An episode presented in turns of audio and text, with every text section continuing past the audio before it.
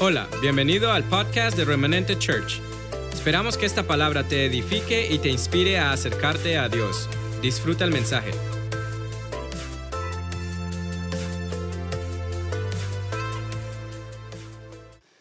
El Dios de la bendición.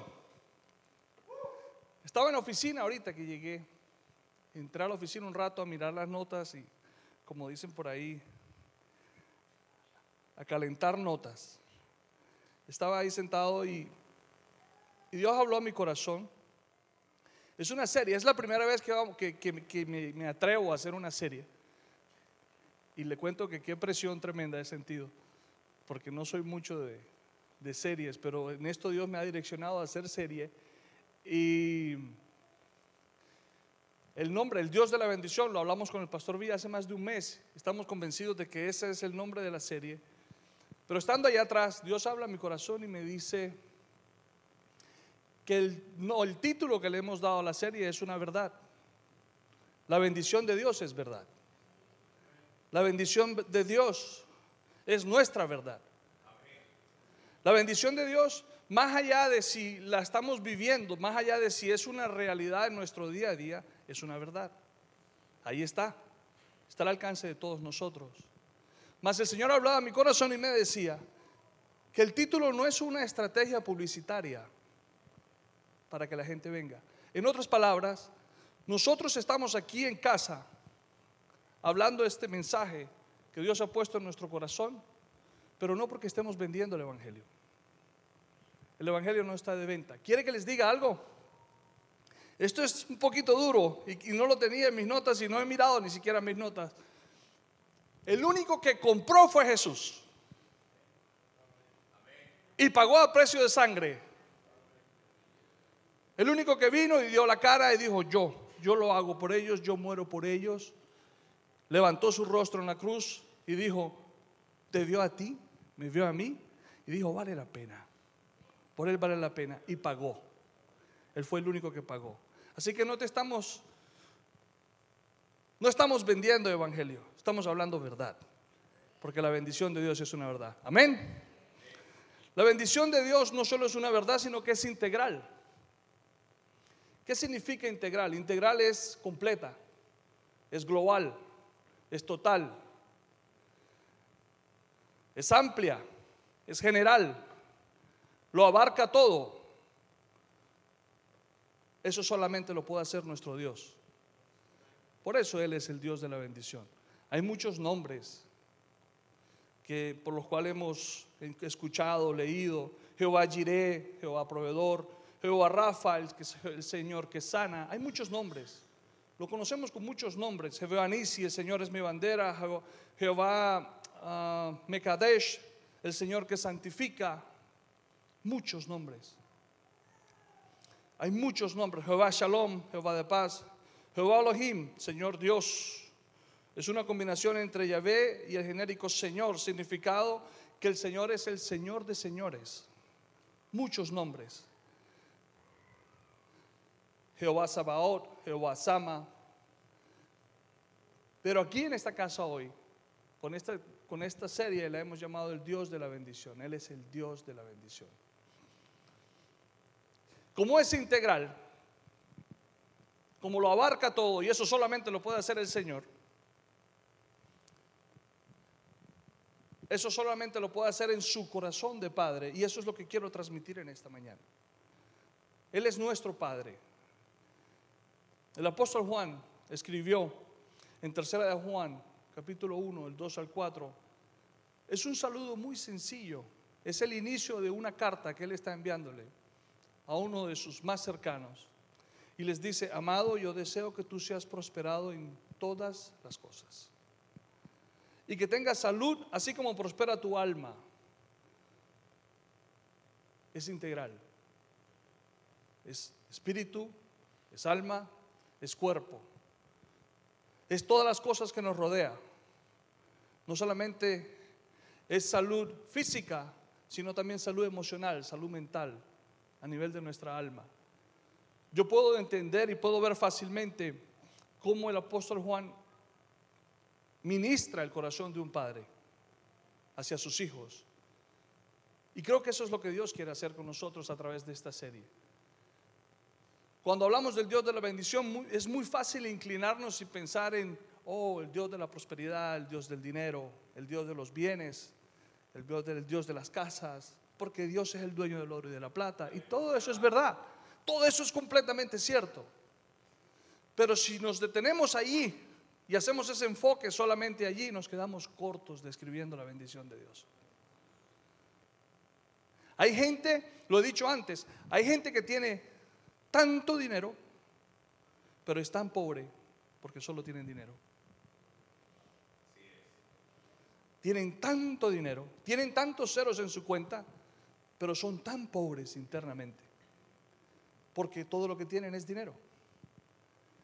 Pero la bendición integral de Dios abarca nuestra alma, nuestro cuerpo, nuestra familia. La bendición integral de Dios restaura nuestro pasado. La bendición integral de Dios nos afirma nuestro presente. Y la bendición integral de Dios se asegura de nuestras generaciones.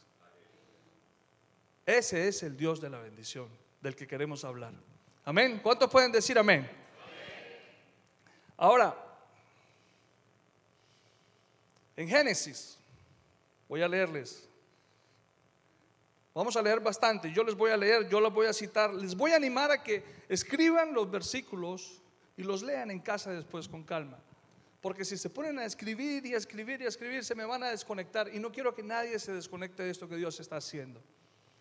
Yo voy a leerles en Génesis capítulo 1, del 26 al 31 para que tomen nota. Vamos a empezar desde Génesis. No vamos a llegar a Apocalipsis, se lo prometo.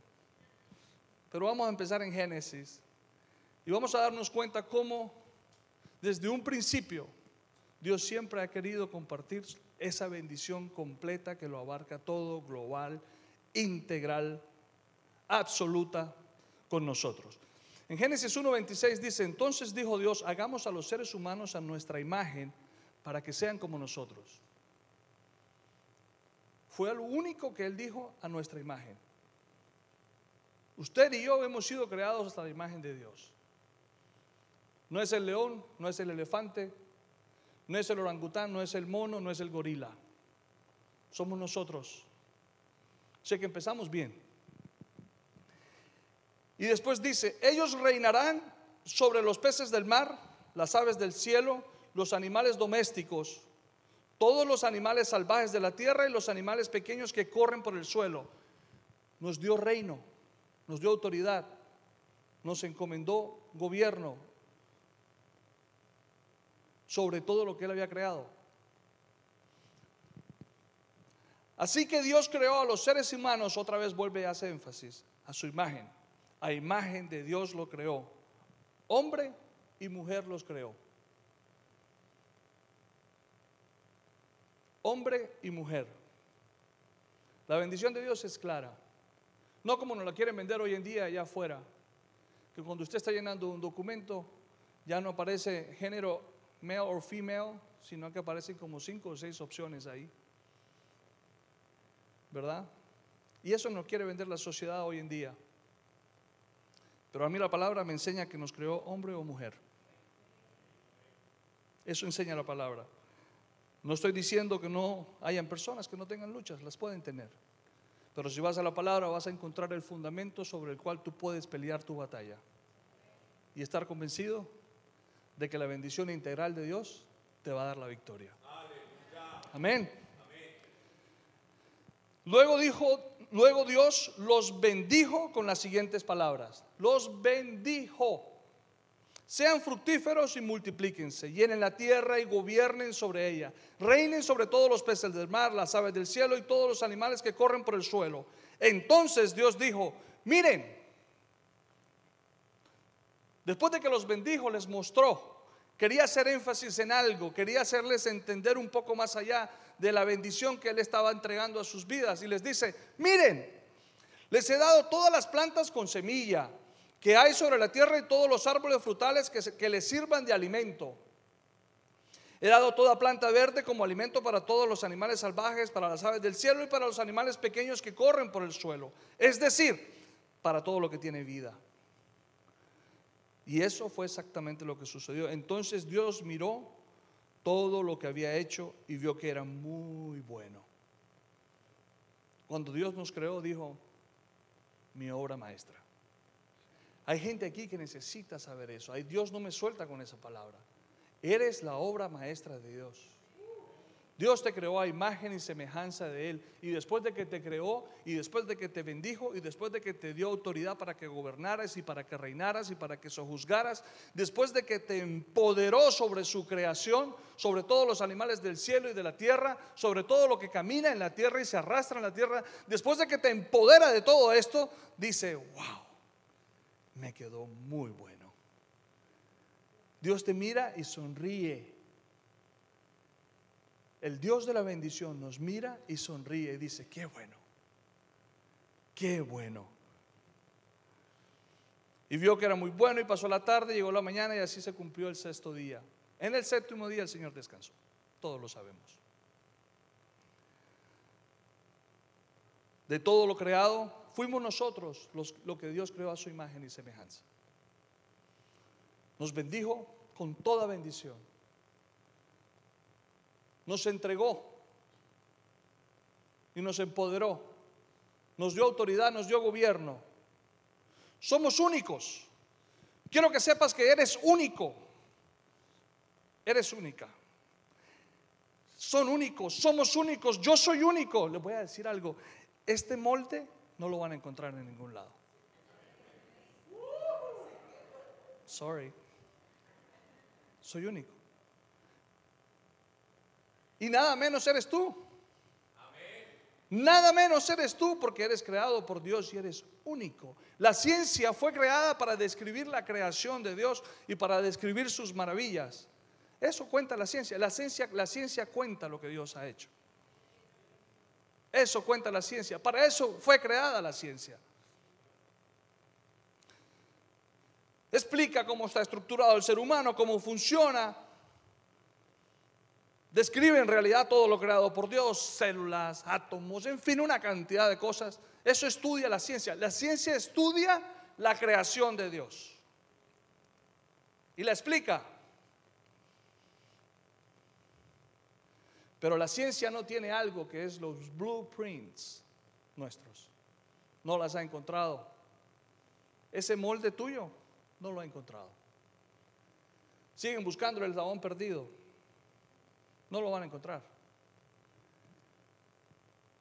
Tú, como tú fuiste creado, como hemos sido creados, somos tan especiales que hay un archivo de cada uno de nosotros guardado que le pertenece solamente a Dios.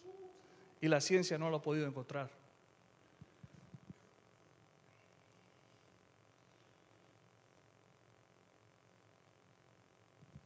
Nadie puede copiar lo que Dios ha hecho. Nadie va a poder igualar la bendición integral de Dios en nuestras vidas. Nadie. La ciencia ha explicado mucho, pero hay algo que la ciencia no ha podido explicar. Y es el aliento de vida. Su neshama. Aliento de vida. Cuando Dios nos creó, dice la palabra que nos dio de su aliento.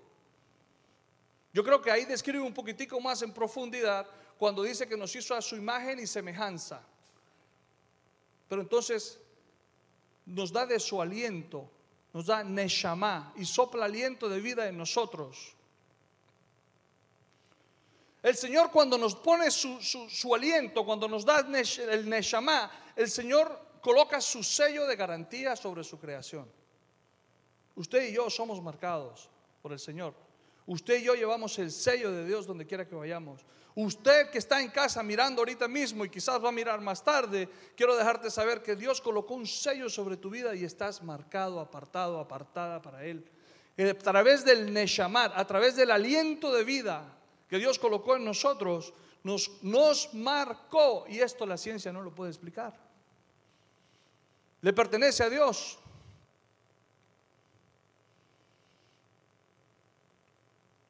Cuando nosotros hay una palabra en hebreo. Jehová se escribe Y-H-W-H, Y-H-W-H. Esta palabra no tiene, son solamente consonantes, no hay vocales allí. ¿Cómo se pronuncia esta palabra? Yo no sé hebreo. La verdad no sé. Pero estuve mirando, estuve estudiando, estuve buscando, estuve investigando un poquitico acerca de esto. ¿Cómo se pronuncia el nombre del Dios de la bendición? Y H W H. Si no tiene vocales, ¿cómo hago? Así. Así.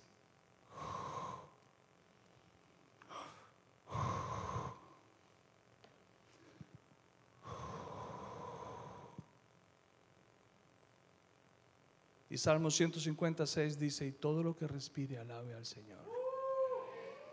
Usted y yo hemos sido marcados con su aliento de vida. Cuando usted nace, lo primero que usted hace es y después da un grito. Si no, pregúntenle a mi hija cuando vio nacer a Tiago. Y después dio un grito y dio un llanto. Cuando usted muere, lo último que hace es... Y nosotros los hijos de Dios, cuando morimos, sabemos para dónde vamos. Vamos a nuestro Creador, a nuestro Dios de la bendición. Hay alguien que necesita escuchar esto. Yo le dije al Señor, Señor, esto que tiene que ver con todo lo que tú me estás diciendo, y me dijo, hay alguien que lo necesita escuchar. No, pero yo no creo en Dios. ¿Respiras? Sí, ok. ¿Puedes respirar? Necesito respirar para vivir. Necesitas a Dios para vivir. Ya ven, Jehová te marcó, se apoderó, se enseñoreó de ti y de mí. Y tienes planes contigo y con tus hijos y con tu generación, porque la bendición integral de Dios alcanza las generaciones. Ahora, ahora sí les quiero dar el título de hoy, porque aunque la serie es el Dios de la bendición, yo quiero decirles que el plan de Dios desde Génesis lo podemos ver hasta hoy en día no ha cambiado. Es el mismo plan, bendecirnos, empoderarnos, sanarnos, levantarnos, guiarnos, enseñarnos. O sea que el plan de Dios no ha cambiado. Entonces, como el plan de Dios no ha cambiado, Dios me dijo, hijo, es que no hay plan B. Y ese es el título de hoy. No hay plan B. El plan sigue siendo el mismo, desde la creación hasta ahorita. Desde Génesis hasta Apocalipsis está Jesús por todos lados. El plan de Dios no ha cambiado. Oh, pero pastor, yo he estudiado y he mirado que el pueblo de Dios pecó y el Señor le tocó. El pueblo de Dios pecó y cuando el pueblo de Dios peca, se aparta de Dios, pero la bendición de Dios permanece ahí. Y el plan de Dios no ha cambiado. El plan de Dios de bendecir tu vida, de bendecir su propiedad, de bendecir los suyos, sigue siendo el mismo. Aunque el pueblo de una manera u otra hayamos sido necios, Él sigue allí esperando por nosotros con el mismo plan desde Génesis. No hay plan B. Para nosotros siempre ha sido importante un plan B. La sociedad nos ha enseñado un plan B. Cuando pasó lo de la pandemia y nos reunimos con mi hijo, mi hijo me dijo, bueno, Dad, ahora cuál es el plan B. Yo le dije, no tengo plan B. ¿Qué vamos a hacer? Porque imagínate, van a cerrar el negocio y esto y lo otro. Y le dije, papi, yo mañana me levanto y voy a trabajar. No tengo plan B. Buscamos un préstamo, hacemos esto, esto, lo que tengamos que hacer, pues lo vamos a hacer. Pero un plan B no tengo. Y no era porque yo sabía que no, no necesitaba un plan B. Yo hubiese deseado tener un plan B. Yo hubiese deseado tener dinero en la cuenta para no exponer a los empleados y cerrar por lo menos por un mes. Yo hubiese deseado poder decir, hombre, no puedo, quedémonos quietos. En mi humanidad yo hubiese hecho muchas otras cosas diferentes. Pero se cumplió el plan de Dios sobre mi vida. Así como se cumple el plan de Dios sobre tu vida y como se está cumpliendo el plan de Dios sobre tu vida. Amén.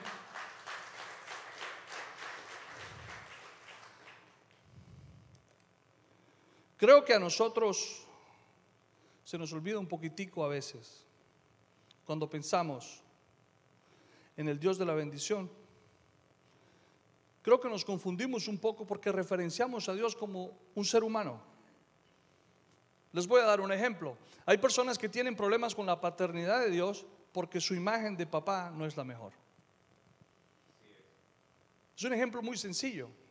Yo hablaba con una muchacha en, la iglesia en Colombia y ella me comentaba cómo era eso de que Dios era padre.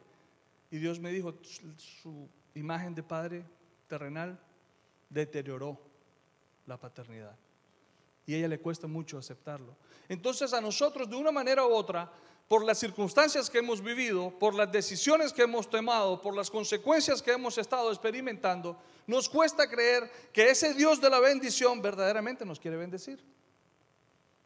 Nos ha costado mucho. Y entonces de una manera u otra, sin darnos cuenta, referenciamos a Dios con aquello que nos ha sucedido o con aquello que no nos ha sucedido. Referenciamos a Dios con aquello que hemos deseado pero que no ha pasado. Referenciamos a Dios como que será que de pronto esto no es para mí. Claro, es que, hay unos que son escogidos por Dios y bueno, uno entiende, ¿verdad?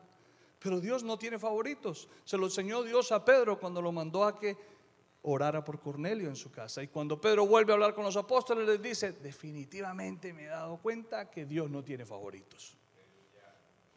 Entonces, si Dios no tiene favoritos y Dios quiere bendecirnos a todos, mire, les digo algo, si Dios hubiese tenido favoritos, no envía a Jesús.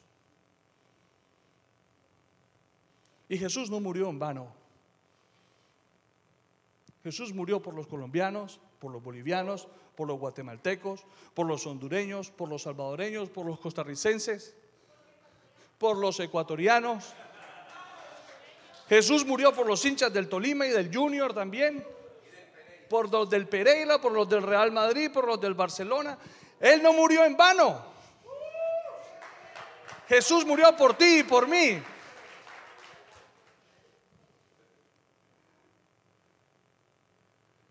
Te quiero decir algo, nadie, nadie puede cambiar el plan de Dios. Porque hay una palabra que me, que me tocó bien profundo cuando pensaba esto, de, que, de qué tan confundidos podemos llegar a estar cuando no hemos todavía asimilado la verdad de la bendición integral de Dios para nuestras vidas. Y yo decía, Señor, pero ¿cómo?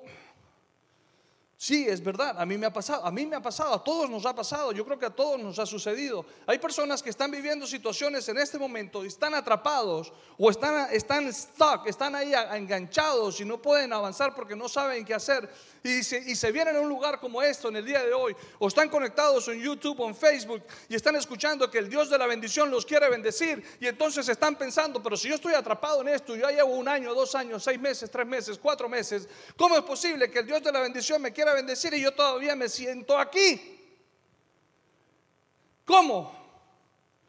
¿Cómo es posible que yo todavía estoy patinando en esto mismo y no avanzo? Yo te tengo buenas noticias.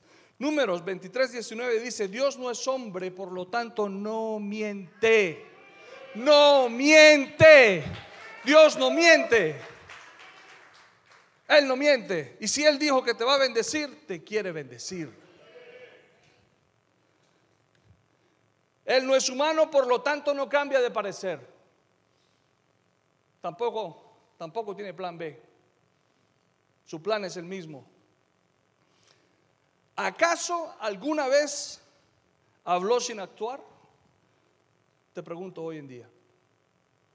¿Acaso alguna vez prometió sin cumplir? Rapidito, 1999, principio de año. Yo era muy joven, no les voy a decir la edad. Empecé un negocio en Colombia distribuyendo combustible a una, una compañía de transportes y nos iba muy bien. Era un lugar pequeño, pero nos iba muy bien. Logramos comprar un apartamento. ¿Sabe por qué no les digo la edad? Porque la cabeza no me va a pasar la matemática. Pero comprábamos un apartamento con mi esposa. Estábamos felices, los niños estaban chiquitos, estábamos emocionados. En el mejor sector de la ciudad de Barranquilla tenía piscina, el conjunto residencial. En fin, y veníamos de un lugar con bien escasos recursos las personas que vivían ahí. Allí vivía yo y Dios había transformado mi vida del 98 al 99 y me había bendecido abundantemente. Me enseñan del diezmo. Yo no sé por qué estoy diciendo esto, pero por aquí no fuimos. Me enseñan del diezmo y yo empiezo, conozco del Señor y empiezo a diezmar. Yo feliz, yo diezmaba. Dios me estaba bendiciendo, yo diezmaba. El 10% yo lo llevaba feliz. Yo lo metía en ese sobre, yo oraba, yo creía, yo lo llevaba feliz. Mi esposa y yo felices. Historia bastante larga, bien corta porque no tenemos mucho tiempo. Quebré, el negocio quebró. Entró contrabando de combustible de un, de un país vecino en las carreteras de Colombia y me recogieron. Y aparte de eso, compañeros, empleados de trabajo que tenía conmigo me robaron y me quedé en la calle. Yo le oraba a Dios, yo lloraba amargamente. Yo decía, si yo creí en el diezmo, Señor. Yo me recuerdo que con mi esposa había en la nevera una jarra de agua, cuatro huevos para el desayuno y una bolsa de pan tajado. Y ese era mi trabajo todos los días. ¿Cómo hacer para poder tener eso? Porque me recogieron. Y yo no entendí. Pero un día seguimos sirviendo al Señor, a pesar de que por dentro yo no entendía. A pesar de que me criticaban como ustedes no se imaginan. A pesar de que fui burla para muchos, seguimos sirviendo al Señor. A pesar de que yo iba a servir con esa incomodidad dentro de mí. Voy a decir algo que dije el miércoles. En la iglesia, estadísticamente lo hablábamos con el pastor Villa, es el lugar donde más mentiras se dice. Porque estamos en la, estábamos sirviendo en ese entonces, adorando al Señor y ministrando y esto y lo otro, pero por dentro yo traía una piedra en el zapato que no se imaginan. Y no era capaz, no era capaz con esto. Un día llama una persona de Estados Unidos, una tía mía, y le dice a mi, a mi mamá, Martica, mi mamá se llama Marta, Martica ha estado orando por Juan Carlos y por Eliana. Yo me quedé sin iglesia hace más o menos seis meses, pero he estado guardando mi diezmo y Dios me dijo que le enviara este diezmo a él para que sacara pasaporte y visa porque se venía para Estados Unidos y aquí iba a haber trabajo para él.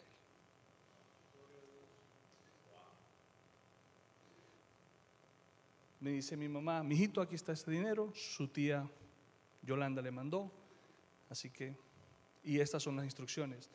Yo para Estados Unidos, no, mamá. Venimos de Estados Unidos corriendo por la guerra del Golfo, así que yo para allá no voy. Y mi esposa, bueno, yo voy a empezar a hacer los trámites. Vamos a cortar la historia otra vez. Nos dieron la visa.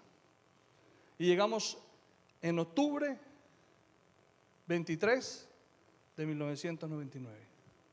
Aquí estamos, aquí pusimos un pie y el otro, convencidos de que Dios nos había traído. Y hoy en día yo entiendo que todo ese diezmo y esa ofrenda que se dio en obediencia, yo estoy recogiendo hoy. Hoy estoy recogiendo. Sobreabundantemente jamás me lo hubiese podido imaginar. Jamás me lo hubiese podido haber imaginado de la manera como estamos recogiendo hoy. No solamente porque Dios me ha bendecido económicamente, sino porque yo volteo a mirar ahorita que entró mi nieto Tiago y enseguida se me pone la cabeza, me pone a volar y pienso en Nati y pienso en Benji y yo viro a mi esposa y viro a mis hijos y yo digo, Dios mío, me has bendecido mucho más allá de lo que yo jamás me hubiese podido imaginar. Me has dado salud, me has dado gozo, me has dado paz, me has restaurado, me has salvado, has peleado la batalla por mí, porque cuando han sido injustos conmigo, tú has salido a la, línea de batalla y has peleado por mí. Y aquí me tienes con el privilegio de venir delante de ustedes a compartir lo que Él ha puesto en mi corazón. Es un privilegio hermoso. Soy un hombre bendecido y de esto quiero hablarles hoy. De esto quiero compartirles hoy. Nuestro papá es un papá integral y abarca todas las áreas de nuestra vida. Todas. En números, quiero leer rapidito, número 23, capítulo 23, la historia entre Balán, ¿quién, ha escuchado que hasta la burra de Balán habló. Bueno, Balán era un adivino, un profeta, y, está, se encuentra con Balac. Balac lo contrata para que venga a maldecir el pueblo de Dios, porque tiene temor de que lo van a invadir y que lo van a destronar. Balac era moabita. Entonces lo contrata y lo manda a traer. Balán viene, se reúnen en un lugar alto y Balán va delante del Señor y vuelve a Balac. Porque el Señor le dijo que no podía maldecir a su pueblo. Entonces él le dice, dame un momentico, Balac, yo voy y consulto y te traigo el mensaje de lo que me dicen. Te noto nervioso, pastor, ¿está bien? Ok. Este es el mensaje que Balaam transmitió. Balac me mandó a llamar desde Aram, el rey de Moab, me trajo de las colinas del oriente. Ven, me dijo, maldíceme a Jacob. Jacob era Israel, el pueblo de Dios. Ven y anuncia la ruina a Israel. Pero dice Balaam, pero ¿cómo puedo maldecir a quienes Dios no ha maldecido? ¿Sabes cuántas veces el enemigo ha querido maldecir nuestras vidas? ¿Sabes cuántas veces el enemigo se ha querido levantar en contra de tu vida? ¿Y cómo puede el enemigo hacerte daño si Dios te quiere bendecir? ¿Cómo podrá el enemigo tener éxito en, maldecirte si Dios te ha apartado para bendecirte? ¿Cómo puedo condenar a quienes el Señor no ha condenado? Sabe que muchas veces las personas levantan palabras de condenación para nuestras vidas y nosotros rápidamente nos las creemos. Y Dios te dice hoy, ¿cómo puedes ser condenado si yo no te he condenado? ¿Cómo puedes sentirte condenado si yo no te he condenado? Quiere decirte algo. Cuando Dan y Eva pecaron y, estaban eh, escondidos del Señor con unas hojitas tapados porque tenían vergüenza. La historia cuenta más adelante que Jesús los vistió con pieles de animales. Que Jesús no, que el Señor Jehová los vistió con pieles de animales.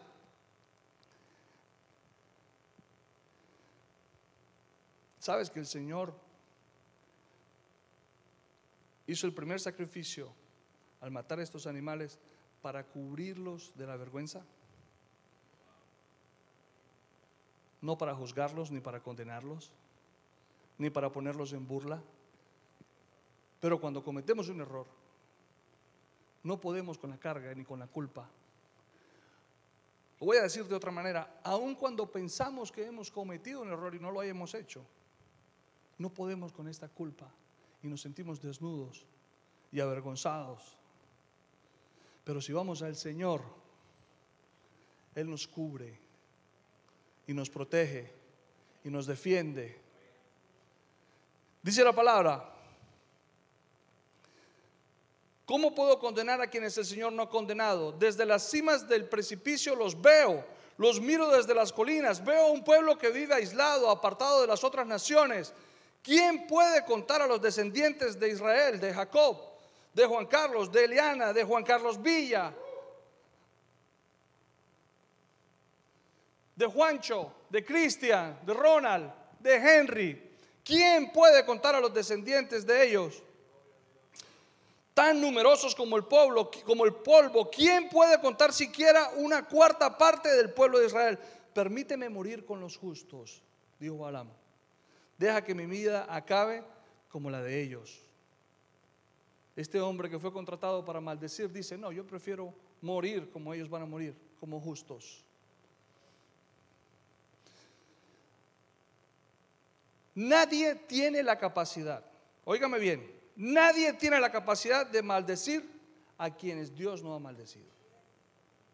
Nadie tiene la capacidad de maldecir a quien Dios ha bendecido en todas las áreas de tu vida. No lo pudo hacer el profeta. Le estaban pagando cualquier cantidad y cada vez la propuesta fue aumentando más de dinero, le, proponían pagarle más y él dijo, ni aunque me den un castillo lleno de oro y de plata, yo lo voy a poder maldecir. Nadie puede tocar tu vida y mi vida si Dios te ha bendecido. Nadie, quiero que te lo grabes y lo, lo, atesores aquí en tu corazón y lo declares cuando estés en casa, cuando estés pensando, cuando estés dudando. Nadie te puede maldecir.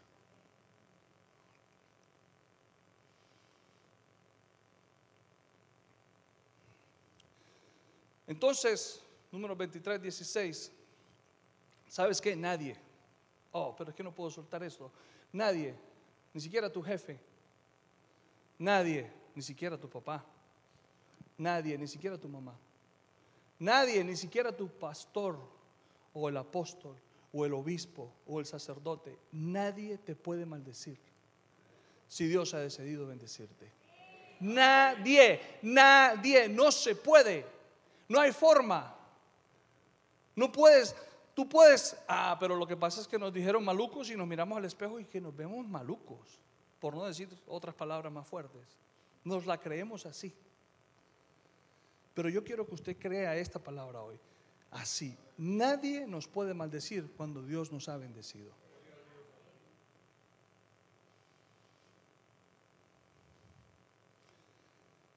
La presencia de Dios está con nosotros. Dice número 23, 22. Dios, sacó de, Dios los sacó de Egipto. Este es el mismo Balán hablando a Balac. Para ellos, Él es tan fuerte como un buey salvaje. Ninguna maldición puede tocar a Jacob, a Israel. Ninguna maldición nos puede tocar, pueblo, familia querida, iglesia hermosa.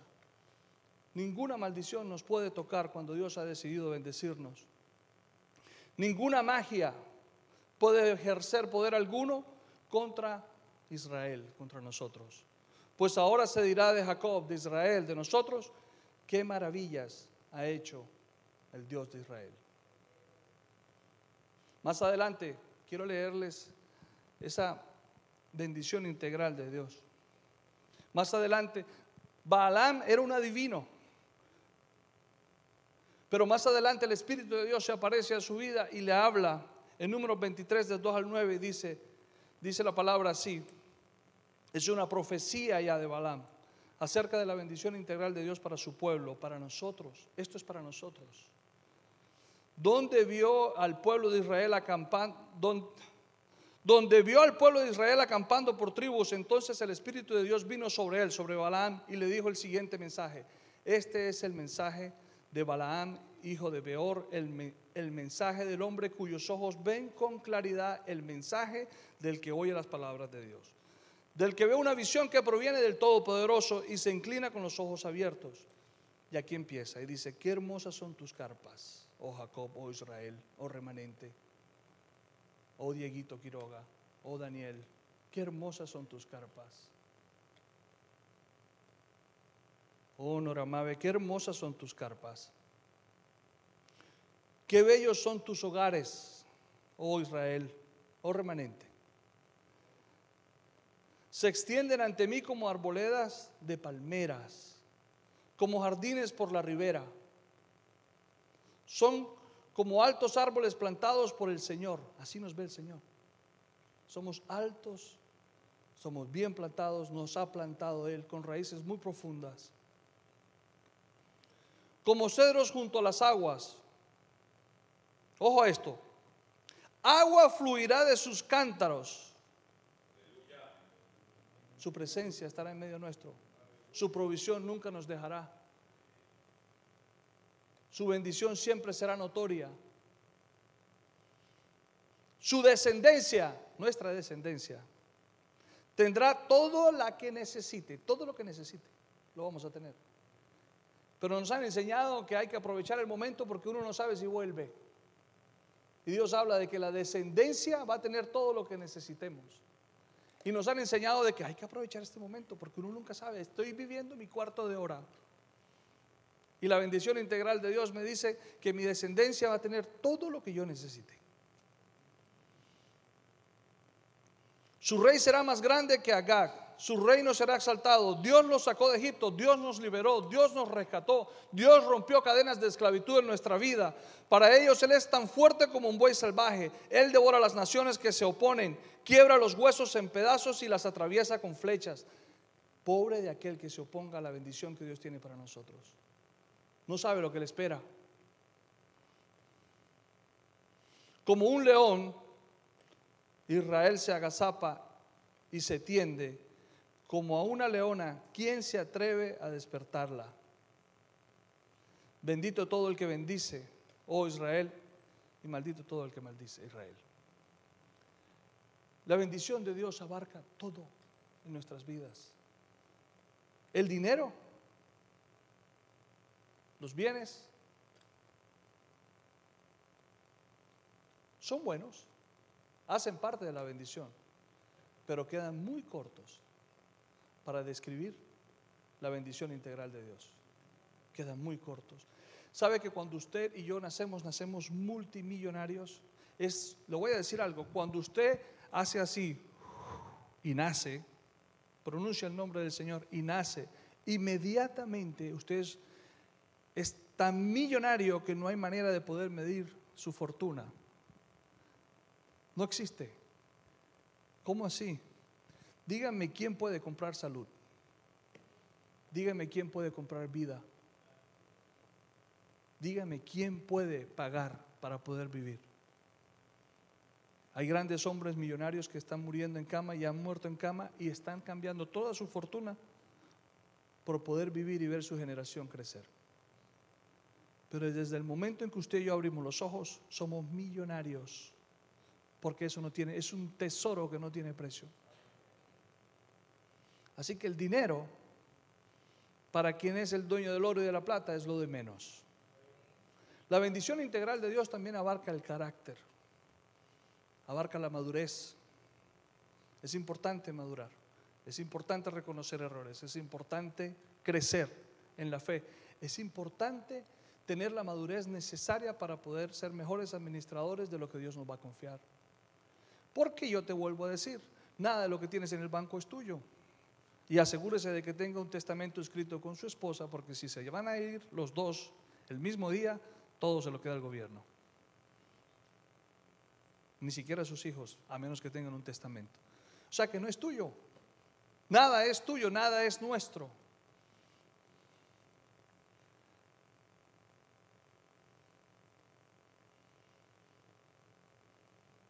Más adelante, lógicamente, después de esta profecía, Abraham, el pueblo de Dios pecó, se desvió, se descarriló, cayó en la idolatría, pero el plan de Dios no cambió.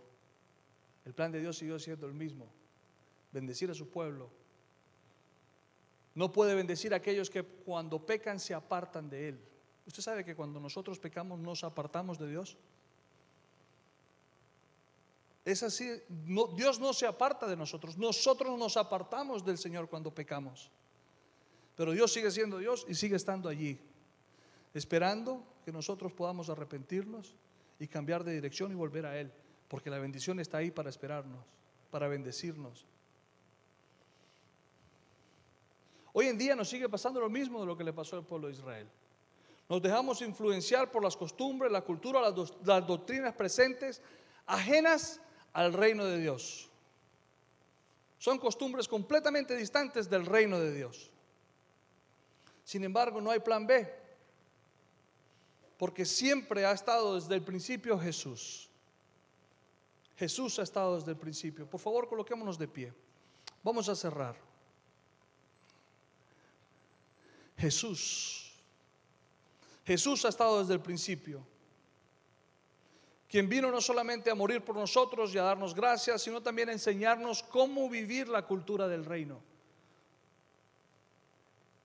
El Evangelio se nos ha enseñado como la tabla de salvación, pero el Evangelio es mucho más allá de la salvación. El Evangelio es una cultura. Jesús vino a morir por nosotros, pero antes de morir caminó aquí en la tierra enseñándonos y modelándonos el reino de los cielos. Porque la bendición de Dios no solamente es que vivamos y tengamos vida eterna. Nosotros desde un principio fuimos creados para tener vida eterna. Desde un principio fuimos creados para tener vida eterna y ese plan no cambió. No, pero nosotros nos morimos. Sí, pero por eso murió Jesús, para darnos vida eterna porque el plan no cambió. Cuando el Señor creó a Adán y Eva y cuando le dijo no podrás comer de este árbol ni de este árbol y comieron del árbol de la ciencia del bien y del mal, no después más adelante el Señor llega y dice, ¿saben qué? Vamos a sacar este árbol de la vida porque no es bueno que vivan eternamente conociendo el mal, porque no ese no es el plan. El plan no es que vivamos eternamente conociendo el mal. Entonces dijo, retiremos esto. Mucha gente lo ve como un castigo. Oh, el Señor nos quitó el árbol de la vida. Y lo que estaba haciendo el Señor era protegiéndonos.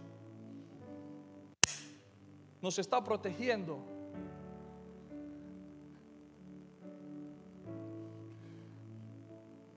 La cultura, el reino de Dios es eterno. La cultura del reino es eternidad. Pero mientras estamos aquí, Jesús vino y se aseguró de darnos principios muy sencillos para poder vivir esa bendición integral. Esos principios de los que vamos a hablar en los próximos domingos. Esos principios que nos van a enseñar cómo podemos nosotros vivir la bendición integral de Dios. Esos principios que nos enseñan a no confiar en nuestras emociones, sino en la obediencia. Me dijo una vez mi esposa,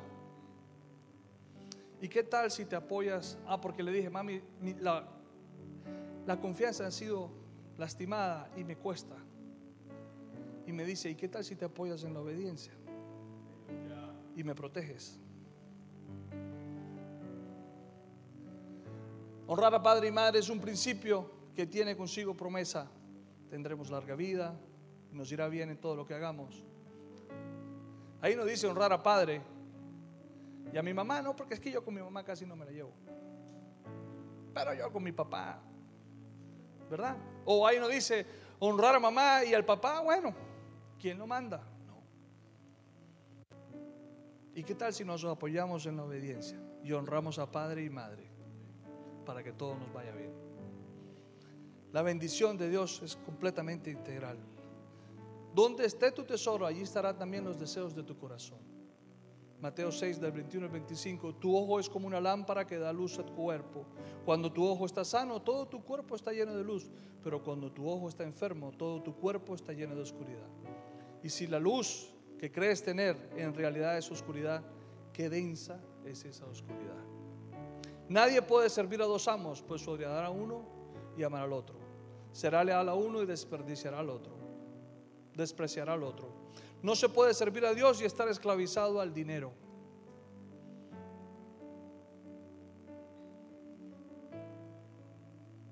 No hay tal cosa como que el ministerio y lo secular. Dios me dijo, ¿por qué hablas del negocio y hablas de la iglesia? Si todo es uno solo.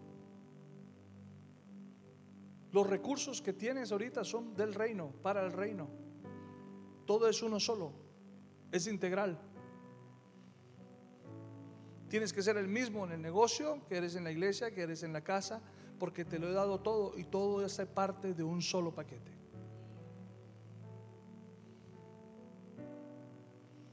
Por eso les digo, no se preocupen por la vida diaria, si tendrán suficiente alimento o bebida o suficiente ropa para vestirse. ¿Acaso no es la vida más que la comida y el cuerpo más que la ropa? Si Dios cuida de manera tan maravillosa las flores silvestres que hoy están y mañana se echan al fuego, tengan por seguro que cuidará de ustedes. Porque tienen, ¿Por qué tienen tan poca fe? Así que no se preocupen por todo esto diciendo que comeremos, que beberemos, qué ropa nos pondremos. Esas cosas dominan el pensamiento de los incrédulos. Pero su Padre Celestial ya conoce todas sus necesidades. Busquen, dice la palabra, el reino por encima de todo lo demás. Y lleven una vida justa y Él les dará todo lo que necesitan. La, la bendición integral de Dios está contenida en su reino, en esa cultura que nos transforma, que nos levanta, que nos... Quiero cerrar con esto, que nos enseña a vivir mejor nuestro día a día. Porque la bendición integral de Dios no es un golpe de suerte que te dice que hoy tienes dinero y mañana no. Comprende todos los días de tu vida, cada minuto, cada instante. Comprende aún tu dormir cuando no eres consciente. De igual manera comprende tu despertar. Comprende tu ayer, tu presente y tu mañana. Comprende todo. Esperamos que este mensaje haya sido de bendición. No te olvides de suscribirte a nuestro podcast y seguirnos en Facebook e Instagram arroba remanente church.